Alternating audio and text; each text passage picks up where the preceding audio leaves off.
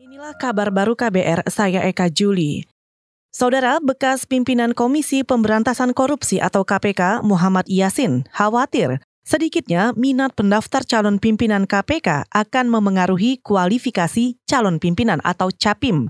Menurutnya, semakin sedikit pendaftar, maka akan menyulitkan panitia seleksi mendapatkan CAPIM yang sesuai kriteria. Ya kalau di zaman saya itu ada 755 periode kami itu, sehingga dipilih hanya 5. Ini pilihannya tuh alternatifnya banyak sekali, kalau hanya 90 sangat-sangat kurang. Harapan kita itu malah lebih dari 1000. Artinya banyak yang berminat di dalam berkecimpung di KPK ini. Semakin sedikit nanti semakin sulit untuk memilih orang-orang yang katakanlah memenuhi kriteria yang disyaratkan baik di undang-undang maupun ekspektasi masyarakat. Bekas pimpinan KPK Muhammad Yasin juga berharap Pegiat anti korupsi, Angkatan Muda terdorong untuk andil dan berkontribusi dalam menangani permasalahan korupsi di Indonesia dengan mendaftar dalam seleksi calon pimpinan KPK.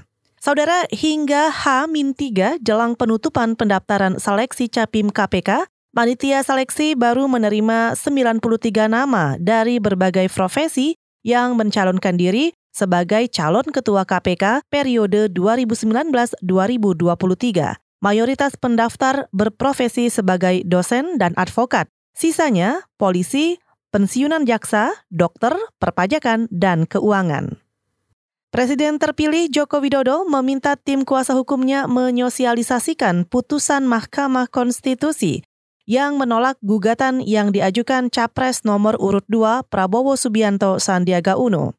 Menurut Wakil Ketua Tim Kuasa Hukum Jokowi Ma'ruf, Iwayan Sudirta, Jokowi ingin mematahkan tudingan curang ketika Pilpres yang hingga kini masih dihembuskan kubu Prabowo Sandiaga. Sosialisasi putusan MK itu akan digelar di daerah yang perolehan suara Jokowi Ma'ruf kecil, seperti di Aceh dan Sumatera Barat. Kami akan mensosialisasikan putusan itu bahwa putusan itu kepada masyarakat dijelaskan tidak curang, tidak ada curang karena satu-satu bukti lawan itu dikupas. Biar setelah putusan ini tidak ada kesan curang, curang, curang yang dimuskan oleh pihak lawan.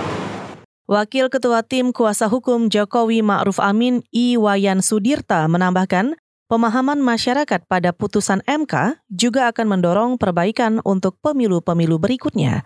Selain itu, tim kuasa hukum juga akan menyusun buku berisi butir-butir putusan MK yang menolak dugaan curang dari pasangan Jokowi Ma'ruf secara singkat. Kita ke informasi mancanegara. Ketenangan yang tegang menyelimuti Hong Kong pada Selasa pagi usai pengunjuk rasa anti pemerintah di Hong Kong menyerbu masuk gedung parlemen Senin malam kemarin. Mereka mendobrak barikade pagar dan polisi yang berjaga di sekeliling gedung, membanting lukisan, pintu, dan merusak tembok di tengah kemarahan atas rencana amandemen legislasi ekstradisi. Sebelumnya, lebih dari satu juta orang melakukan demonstrasi di Hong Kong untuk menolak rancangan undang-undang ekstradisi yang memberi izin aparat penegak hukum membawa tersangka diadili di pengadilan di Cina daratan.